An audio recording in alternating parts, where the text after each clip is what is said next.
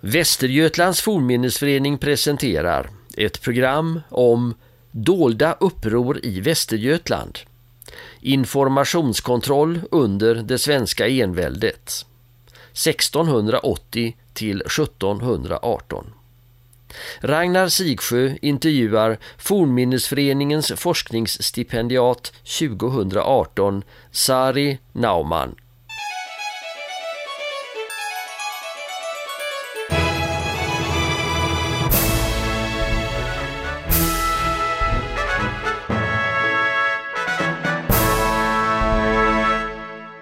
Välkommen till en ny utgåva av Västergötlands historiepodd som idag ska berätta om ny spännande forskning om dolda uppror och informationskontroll i Västergötland mellan 1680 och 1718. Eh, sedan många år så delar Västergötlands fornminnesförening regelbundet ut ett forskningsstipendium på 100 000 kronor och i år har det gått till Sari Naumann som är historiker vid Göteborgs universitet och som är vår gäst idag. Välkommen Sari! Tack! Och grattis till stipendiet ska jag säga också. Eh, dolda uppror och informationskontroll. Det låter ju skenbart som en kombination av moderna fake news och historiska eh, uppror. Hur hänger det här ihop egentligen och varför blev du intresserad av just det här ämnet? Jag började skriva min avhandling, jag disputerade för ett år sedan. Den handlar om politisk kultur under den här tidigmoderna perioden, så 15 och 1600-tal huvudsakligen. Och då skrev jag om trohetseder, när man svär trohet mellan undersåtar och kungar. Och vad det betydde, hur man använde det och framförallt kom jag fram till hur man litar på varandra med hjälp av de här ederna. Så det var tilliten i samhället som jag blev intresserad av. Och uppror är just motsatsen till tillit, då tilliten bryter samman. Så upproren är spännande just därför. Jag studerade dem lite i samband med avhandlingen. Men jag samlade in så mycket material som jag inte hann gå igenom och jag tyckte det här, det här är för bra för att inte göra någonting med. Så jag måste gå vidare. Och så började det här projektet. Så därför började jag med upproren. Men du, eh, tidsperioden 1680-1718, varför valde du just den? Det är en extra spännande tidsperiod just eftersom det är enväldet i svensk historia. Så enväldet är alltså när kungen är ensam på täppan kan man säga. Kungen ska, är den som ska bestämma. Riksdagen har av tradition alltid varit stark i Sverige men just under den här perioden så får riksdagen stå tillbaka. Och det konstiga med den här perioden det är att bönderna som egentligen är de som har mest att vinna på en riksdag, det är där de har mycket att säga till om mot kungen och så har de också använt den historiskt sett de stödde enväldet så de var alltid för att en kung skulle bli enväldig. Och där ligger det någonstans en, någonting som inte riktigt stämmer. Hur kan, kunga, hur kan bönder stödja att de själva får mindre makt? Och upproren tror jag är lite grann ett svar på det. De försöker att påverka kungen på olika sätt. Och finns det inga legitima kanaler, då går de till de illegitima. Du, det här med eh, uppror och så vidare, kanske skulle vi se om vi kan hitta lite, mm, lite måla upp lite samhällsbakgrund. Hur såg Sverige ut vid den här tiden, det sena 16 och tidiga 1700-talet? Det är fortfarande ett väldigt eh, lantligt samhälle. Få bor i städer, de flesta bor ute på landsbygden och odlar och är bönder eh, som försörjelse. Eh, sedan så har man då representation i riksdagen men just under enväldet så börjar riksdagarna samlas allt mer sällan så bönder får inte heller anledning att resa till Stockholm längre. Det blir kan man säga lite större klyftor i Sverige under den här perioden. Vi har också en period då administrationen växer, byråkratin växer fram så allt fler tar anställning inom staten. Och här man, kan man också se att tidigare så var det här avgränsat till adelsmän sådana positioner. Men under enväldet så börjar det ges på meriter, alltså det ges till de som är bäst lämpade för platsen. Och då börjar också borgare komma i fråga, prästsöner komma i fråga och det klättrar neråt i samhällspyramiden. Så rikare bönder som har utbildningsmöjligheter får lite större chans att jobba sig upp i hierarkin. Så det är en period då klyftorna på något sätt har ökat men samtidigt så finns det också större möjligheter att faktiskt bryta de här klyftorna. Det gör den lite spännande, en förändringsperiod. Men det betyder också då att eh, vi är inne i en period där den ska säga, administrationen och eh, den statliga byråkratin uppenbarligen ökar ganska mycket. Ja, absolut. Och den sväller, den blir större, den börjar också struktureras upp mer och mer. Karl XI som är kung under den första halvan av mitt projekt, 1680 och framåt. Han är verkligen någon som har en, en vision om hur Sverige borde styras. Han försöker göra det mer effektivt. Och hela byråkratin förändras därmed. Så just hur hur byråkraterna, alltså hur de lokala tjänstemännen sköter sina jobb. Det blir en stor del av projektet att se hur kommunicerade de med regenten och uppåt i hierarkin. Eh, jag ser lite grann här i din eh, forskningsbeskrivning, projektbeskrivningen, att du eh, vill hävda att den tidigare uppfattningen att statens våldsmonopol, det är liksom det som håller ihop, det är kittet på något sätt. Men du säger att informationsmonopolet är en lika stor förutsättning för maktinnehav och det här är ju väldigt spännande. Det här har man inte pratat så mycket om tidigare. Nej, jag tycker man har pratat alldeles för lite om det. Man har pratat inom forskningen, inom historisk forskning i Sverige så brukar man dela upp de äldre forskarna i två läger. Antingen de som hävdar våldsmonopol eller så är det de som hävdar att det finns en förhandlingskultur i Sverige. Och de senaste kanske 20 åren så har forskare varit rätt så överens om att båda de här lägena har poänger. Båda har rätt. Men samtidigt så är de ju oförenliga. Så jag ville förena dem. Vad händer när vi förenar dem? På vilket sätt kan förhandling möta monopol? Och då tänker jag just att informationen, det kanske är där som är den springande punkten. Vad händer ifall någon har ett informationsmonopol? Hur, vad händer med förhandlingen då? Sker den på lika villkor som vi gärna vill tro när vi hör ordet förhandling? Det låter jämlikt, det låter jämställt. Men förhandlingen är ju också en maktsituation. Och vem ligger makten i? Det är jag intresserad av. Eh, som verktyg i den här undersökningen så har du använt eh, uppror. Eh, och du har hittat uppror eh, på stora, inom stora delar av landet som tidigare har varit mer eller mindre okända. Eh, du vill alltså använda upproren som ett verktyg för att komma det här in på livet. Hur kan de bli verktyget? Ja, först ska jag säga att det här att de är okända är ju en sanning med modifikation kan man säga. De har inte uppmärksammats tidigare, man har förbisett dem. Och det tror jag beror mycket på att de har varit väldigt avgränsade. Det är ett antal bönder som gör uppror men de tas ner rätt så fort av de lokala eh, häradshövdingarna och så vidare. Man lyckas behärska de här upproren och stilla dem. Men trots att man lyckas stilla det rätt så tidigt, det tyder ju på en effektiv administration, en effektiv byråkrati. Men det var ju ändå en upprorssituation de här första dagarna och det var oklart vart det skulle ta vägen. Så det vill jag fokusera på. Vad händer med de här upproren just då? När det är upprorsgnistan tänds och hur hanterar man den? Och i och med att uppror ändå är någonting som är samhällsfarligt, det är, väldigt, det är ett stort brott eh, man döms för högförräderi ifall man, lyckas, ifall man försöker göra ett uppror eftersom det är just kungen man gör uppror mot. Så eftersom det är ett sånt allvarligt brott så genererar det en hel del papper och det är papper vi som historiker kan följa. Vi måste se, källorna, källorna är det viktigaste efter hur vi ska kunna hitta en händelse. Och de här pappersspåren vill jag följa och se. Hur går de? Mellan vilka personer går de? Och vad sägs i de här papperna? Vad sägs inte? Även om nu eh, upproren bara är ett verktyg för att komma åt hur man hanterade upproren så är det ju lite spännande lokalt. Varför blev det uppror? Vad var det man gjorde uppror mot och vilka faktorer i samhället? Eh, de uppror som hände i Västergötland de har en sak gemensamt och det är att samtliga uppror mot utskrivningar. Så det är i utskrivningssituationer som bönder bestämmer sig för att de vill inte bli utskrivna och de gör med våld motstånd mot besluten att de ska bli utskrivna. Sedan finns det i ett större perspektiv under enväldet så finns det också andra sorters uppror, framförallt under 1680 till 1705, då, det inte är, då kriget ännu inte riktigt har satt fart i Sverige. Så 1683 är det ett uppror i Marks härad, då är det ett krig mot Danmark som man håller på att skriva ut soldater mot. Och de andra två upproren är 1710 i Vadsbro härad och sedan 1711 igen i Mark och båda de också utskrivningssituationer. Så det är just det här att bli tvingad att slåss för sitt land och sin kung som bönderna inte var särskilt förtjusta i och det kan man ju förstå. Men ändå är det intressant som du sa här tidigare att eh, bönderna tar alltså parti eh, mot kungen i princip. Ja, de tar åtminstone emot, parti emot det kungliga beslutet. Sedan så verkar det i alla fall enligt tidigare forskning som att bönderna under den här perioden är genuint kungatrogna. De vill ha kungen på tronen och de tycker det är viktigt att kungen sitter där. Det vill säga när man gör uppror så försöker man att rikta det inte mot kungen utan mot de elaka rådgivarna som kungen har som säkerligen har rått honom att fatta de här onda besluten. Så man försöker komma till rätta med politiken fast ha kvar kungen vid makten. En annan spännande fråga här som jag förstår du kommer att behandla det är eh, vilka kanaler eh, som man använder, vilka media använder man för att hantera den här informationen.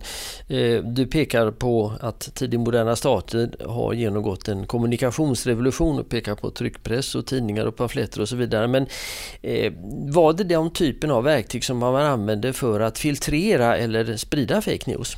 Ja, det är det som, blir, det är det som blir det stora jag ska undersöka. Jag tror att mycket av kommunikationen, framförallt mellan Västergötland och Stockholm, sköttes muntligt. Att man skickade ut folk eh, och sedan tog emot informationen muntligt när de väl vände tillbaka. Kungen under den här perioden skickar till samtliga de här upproren ut kommissioner. Det vill säga att man tillsätter några, några betrodda ämbetsman på högsta ort i Stockholm, skickar ner dem och sedan får de tillsammans med lokala ämbetsmän försöka reda ut situationen så att Stockholm möter Västergötland kan man säga. Och I den situationen så samlar ju kungen in information genom de centrala ämbetsmännen. Och när de kommer tillbaka till Stockholm är det mycket möjligt att de berättade mer än vad som nämns i själva kommissionsmaterialet. Så för att komma åt det så kommer jag också gå igenom rådsprotokoll i Stockholm och se vilken information diskuterar de? Hur har de fått den informationen? Jag vet att ibland så nämns det i rådet att jag har fått den här informationen från min gode vän brevledes till exempel. Så privata brev kan också vara intressant om det är möjligt att hitta dem. Men det här betyder ju då att eh, eh, flödesschemat, alltså informationsflödet, eh, det är ju både muntligt och skriftligt och det borde göra det lite svårare att hitta det trots allt, eller kunna följa det kanske. Det blir det absolut, det är det som är utmaningen i projektet. Samtidigt så finns det ibland i det skriftliga materialet hänvisningar till information som fåtts muntligt. Så man kan se att man fick information muntligt. Och kanske, kanske kan jag också se vilken slags information som gavs muntligt. Om inte annat så kommer jag i ett större projekt, om jag lyckas få pengar för det efter denna inledande studie, så kan jag jämföra vilken information gavs inom Sverige, till exempel då mellan upproren i Västergötland och Stockholm, där förhållandevis eh, ressträckorna är något kortare, jämfört med till exempel uppror i norra Finland, där det är omöjligt att ta sig till på, på ett enkelt sätt i Stockholm.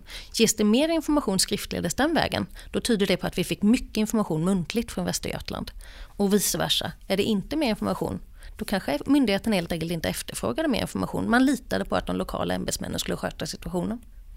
Eh, du talar också om eh, propaganda i form av statskontrollerade nyhetskanaler och så pekar du på böndagsplakat och tidningar och så vidare. Hur stor roll spelar den här för allmänheten eh, vid den här tiden? Jag menar böndagsplakat, ska du förklara det först, vad är det för någonting? Ja, böndagsplakaten. Varje år och ibland två gånger årligen så höll man allmänna bönedagar i Sverige. Och det var ofta i samband med krig så skulle man se till att be för hela landet och riket och att kungen och hans arméer skulle klara sig väl ute i fiendeland. Men det var också generellt, man bedde för att man inte skulle ha missväxt och liknande saker. Så också saker som låg lite grann utanför kungens direkta påverkansmöjligheter.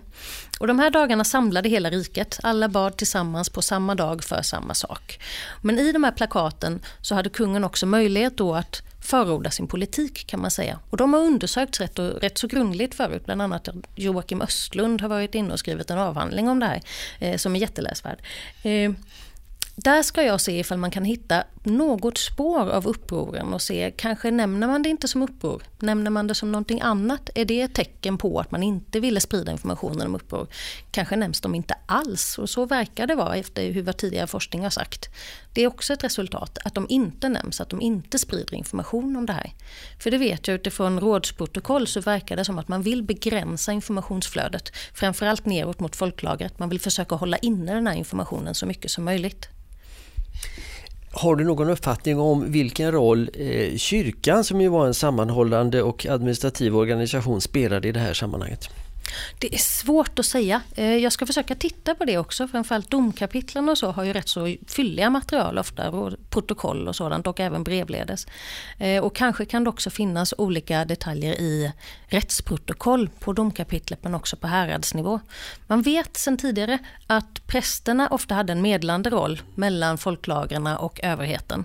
Prästerna stod med en fot i vardera läger kan man säga. De var tillsatta av överheten men samtidigt så var de ju tvungna att leva och bo med just folket runt omkring dem. Så de försökte ofta hålla sig vän med dem. Deras jobb blev lättare och deras vardag blev enklare. Så jag tror att de hade en medlande roll. Eh, jag har hittat indikationer på att under 1700-talet åtminstone så kunde prästerna till och med vara med om upproren och försöka stödja bönderna på olika sätt genom att hjälpa dem författa skrivelser eller sådant. Eh, du säger någonstans här att eh, man har en allmän bild, eller man ville kanske från centralt håll eh, visa upp en bild av regenten som en sorts välvillig fader för folket. Är det här en generell bakgrunds, ska vi säga, bakgrundskänsla eller är det någonting som man inte lyckades med? Det är nog en generell bakgrundskänsla och det höll man på med länge, länge. Det verkar vara en rätt så återkommande eh, idé om hur kungen skulle fungera, inte bara i Sverige utan i Europa i stort. Kungen var en central roll i folks föreställning, föreställningsvärld. Eh, och jag tror också, efter vad man har sett, att det var en bild som folk ofta köpte. Man gick med på den och man försökte ge kungen den här rollen. Eh, det är inte så många uppror som faktiskt riktar sig rakt mot kungen och det var precis som vi pratade om tidigare att man försökte snarare skylla på, man, på kungens onda rådgivare, att det är de som är skurkarna i sagan så att säga. Eh, så bilden av kungen som en fadersgestalt den går igen och böndagsplakaten visar ju det också, just hur kungen tar den här patriarkala rollen som beskyddare och också som uppfostrare av folket. Det är lite intressant för du pekar också på att eh, i relativt modern tid, kanske framförallt efter, ja du talade om arabiska våren 2011 och så vidare, så har man börjat uppmärksamma lite grann hur informationsspridningen går till i samband med uppror och, och revolutioner och så vidare. Eh, det har man alltså uppenbarligen inte ägnat särskilt mycket intresse åt tidigare. Nej, man har inte tittat så mycket just på hur informationsspridningen påverkar upprorens spridning. Eh, jag tror också, ja, det kan vara en sån sak att det inte helt enkelt har varit ett intresse förut. Det är någonting som har kommit på nya år. Sen har man tittat mycket på just hur, eh, hur kungen försöker begränsa upproren, alltså hur man sätter in våldsmakt, när man sätter in våldsmakt och sådant. Sådant är väl undersökt och själva upprorens förlopp har ju varit väldigt väl undersökta.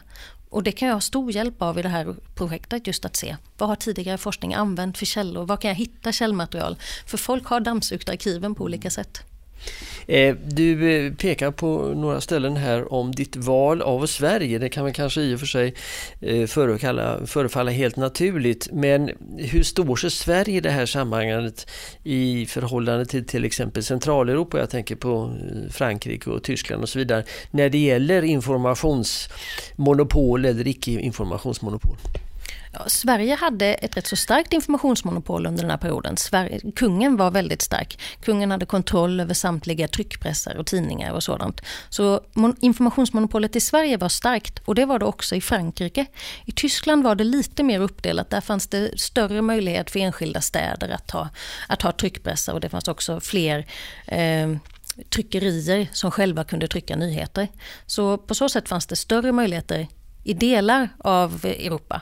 Men Tyskland och Frankrike skiljer sig också från Sverige på det sättet att båda hade stora bondeuppror under den här perioden. I Sverige så var det inte så mycket bondeuppror. Och det är just det som forskningen har sagt tyder på starkt våldsmonopol och stark förhandlingskultur. Antingen det ena eller det andra eller båda två tillsammans.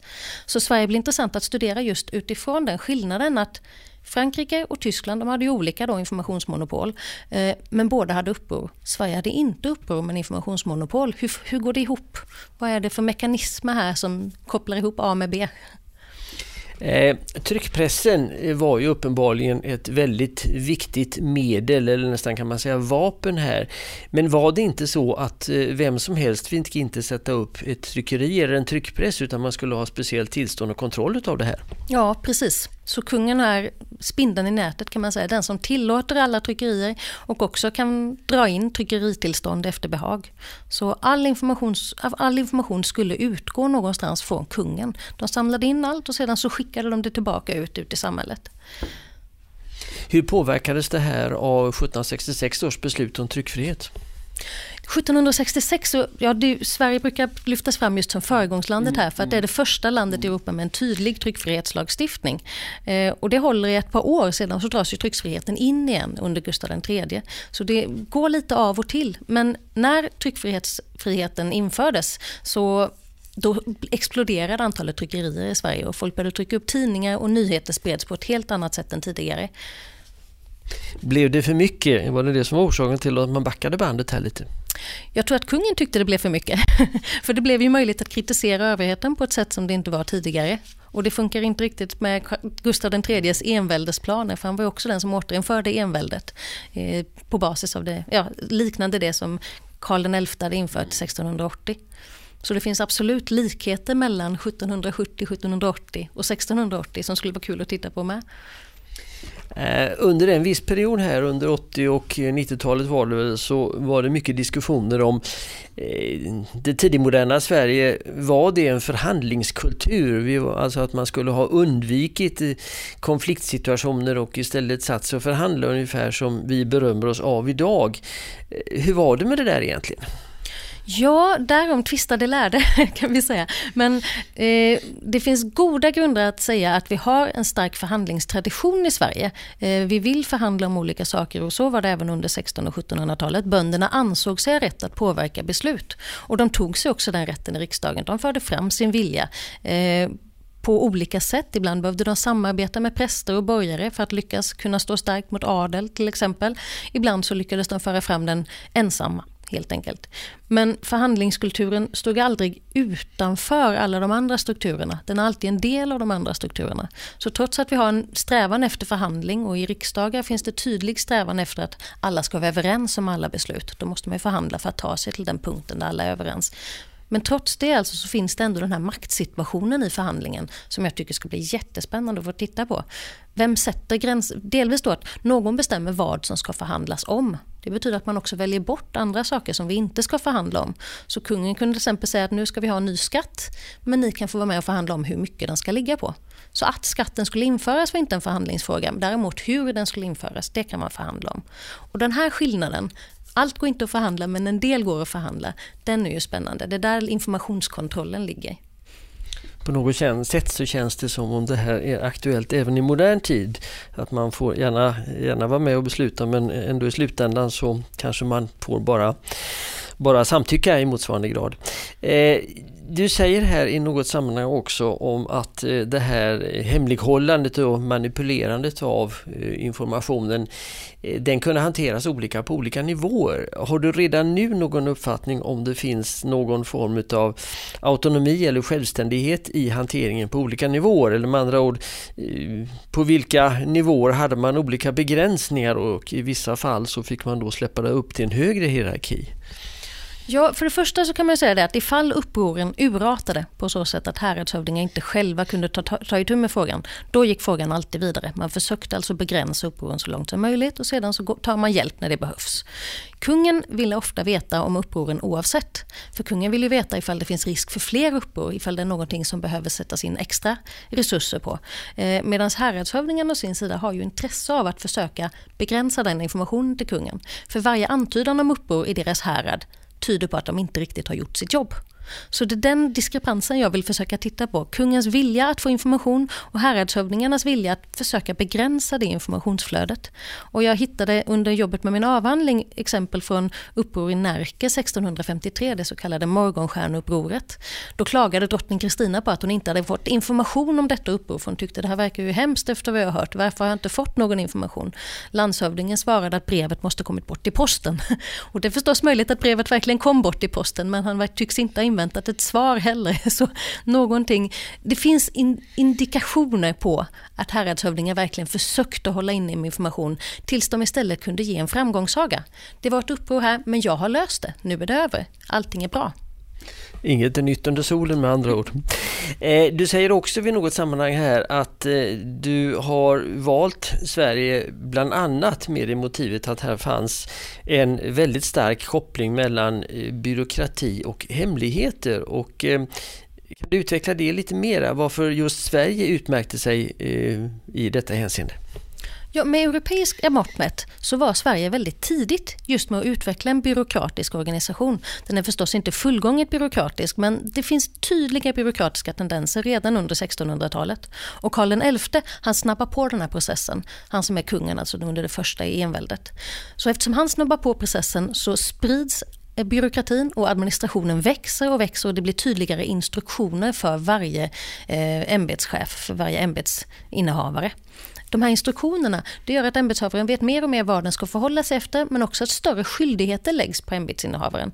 Och relationen mellan ämbetsinnehavare och kung byggs på meriter, att ämbetsinnehavaren är skicklig på sitt uppdrag och kan utföra det.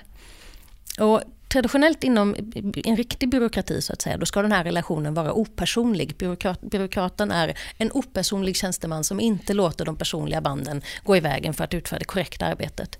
Under enväldet så är ämbetsrelationen väldigt personlig. Kungen är eh, den person som ämbetsinnehavaren ska vara lojal mot. Det finns alltså inte ett rike eller en stat i den meningen som vi är vana vid att se byråkratin. Den här personliga relationen kan möjligen påverka just ämbetsmännens vilja att hålla hemligheter för överheten eller inte. Men i en byråkrati så är man inställd på att föda byråkratin. om det finns hemligheter som riskerar att skada byråkratin, då håller man dem hemliga. Ifall det däremot är bra att sprida informationen, så sprider man den. Så det finns en diskrepans här. Det finns en byråkrati som behöver skydda sig själv och det finns en kung som behöver veta allt. Som verkligen vill vara spindeln i nätet eftersom han är suverän, enväldig. Eh, du pratar om olika nivåer i informationsflödet här. Eh, närmare bestämt fem nivåer säger du här. Eh, vilka nivåer pratar vi om då? Ja, för det första så har vi bönderna, alltså samhället, lokalsamhället. Det är de som egentligen kan man säga sitter på det mesta av informationen här, för att de vet vad de gör uppror mot och de vet också hur de gör det. Den informationen tas sedan ut av lokalsamhällets ämbetsinnehavare.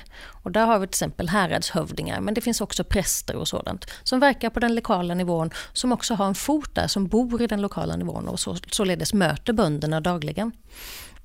Och sedan så har vi eh, kommissioner, det vill säga sådana som eh, tillsätts på den centrala nivån men som verkar lokalt. Och lokala ämbetsinnehavare ingår ofta i kommissionerna men den, det finns också centrala ämbetsmän i den. Det kan till exempel vara något riksråd som utsett att åka med i, i kommissionen. Ofta någon lagfaren medlem som alltså har koll på lag och rättigheter och sådant. Och sedan så finns det riksrådet. Som sagt, några i kommissionen kunde vara riksråd, men sen träffades också riksrådet i Stockholm och diskuterade de här händelserna och försökte luska ut hur ska vi hantera det, hur ska vi se till att inte häradet bredvid också börjar göra uppror, för det här problemet drabbar ju säkerligen alla. Så rådet är också en central spelare i det här fältet. Och slutligen har vi kungen. Under 1680 till 1700 då är kungen i landet, det är Karl XI. Men därefter så kommer Karl XII och han är oftast utanför landet. Han reser i fält under den större delen av sin regentperiod. Så honom måste rådet då hålla brevledes kommunikation med istället. Och då är frågan hur mycket information ger de till kungen? Vad vill kungen ens veta under den här perioden? För om man är upptagen i fält så kan man tänka sig att det är bättre ifall de där hemma kan hantera sig själva. Eh, vi har pratat förut om källmaterialet lite grann här och du har pekat då på rättegångsprotokoll och så vidare. Eh, du säger också att det egentligen är ganska stort material och pekar på de här exemplen ifrån Västergötland. Eh, vad menar du med stort i det här fallet? Ja, kommissionsmaterialet är det som är väldigt fylligt, framförallt för två av de här upproren. Eh, och stort för mig som historiker, 1600-talshistoriker, det är ungefär 600 sidor handskrivet material. 600 sidor handskrivet blir kanske hälften när jag sedan har transkriberat och bearbetat det. Och vissa av breven kan också vara eh, kopior, så att säga. Att det är någon som skickar ett brev och uppger vad den ena säger och den andra skickar brevet tillbaka och bekräftar vad den har fått för information. Men det mesta av det är sådant som just angår varför gjorde de uppror, eh, vad dömer vi dem till, vilka är det som gör uppror och sådan slags information. I kommissionsmaterialet hoppas jag att jag kan hitta all eh, kan, att där kan jag hitta det mesta, just fakta om själva upproret. Och sedan hur den här faktan sprids, det kan jag se i de olika breven. När man nu har att göra med sånt här relativt stort material från 1600-talet, eh, då är det ju intressant att se vilken metodik du kommer att använda för att hantera det här materialet och dra slutsatser. Ja, det är jag har funderat mycket på hur jag ska göra det. Hur ska jag kunna hitta vad det är de inte skriver? Det är ju den spännande frågan och den svåra frågan. Men jag kommer åtminstone till en början att göra så här att jag går igenom allt material och sedan så gör jag en händelse, eh, en översikt över händelserna som händer, i vilken ordning allting händer, vem som får vilken information när. Eh, jag kommer att titta på vilka brev, vilken information som är den totala informationen som finns om de här upproren och sedan titta på varje aktör. Vilken information har den aktören? Vilken ger den vidare och vilken får den? Finns det en diskrepans mellan vad den får och vad den ger vidare? Och finns det en sådan diskrepans så är det någon slags textuell tystnad kan man kalla det. Det finns en tystnad i materialet, något som inte sägs. Då är frågan varför det inte sägs. Sägs det inte för att mottagaren nog inte skulle vara intresserad? Eller skulle mottagaren vara intresserad men kanske är det så att avsändaren vinner någonting på att inte säga den? Det är det jag vill se. Och vad tillhör då genren någonstans? Vad kan mottagaren förväntas få veta? Och vad, kan mottagaren, vad är det som mottagaren trots det inte får veta? Det kommer jag titta efter. Eh, det här projektet, du börjar relativt nu och eh, hur ser programmet eller schemat ut för det tidsmässigt? Ja, jag hoppas att jag ska få ut så mycket som möjligt under våren. Eh, det är förhoppningen. Jag har ett annat projekt som jag fortfarande håller på med om flyktingar i Uppland, så det håller jag på med just nu. Men det här borde jag kunna börja med någon gång efter nyår. Och sedan så kommer det att löpa under våren och kanske sommaren. Tidig höst hoppas jag vara färdig. Och då har du gett ett halvt löfte om att du ska komma hit till Skara på museet och berätta lite grann om både inledningen och avslutningen på den här första delen av projektet i alla fall. Eh, tack för att du ville ställa upp. Tack själv, det var jätteroligt.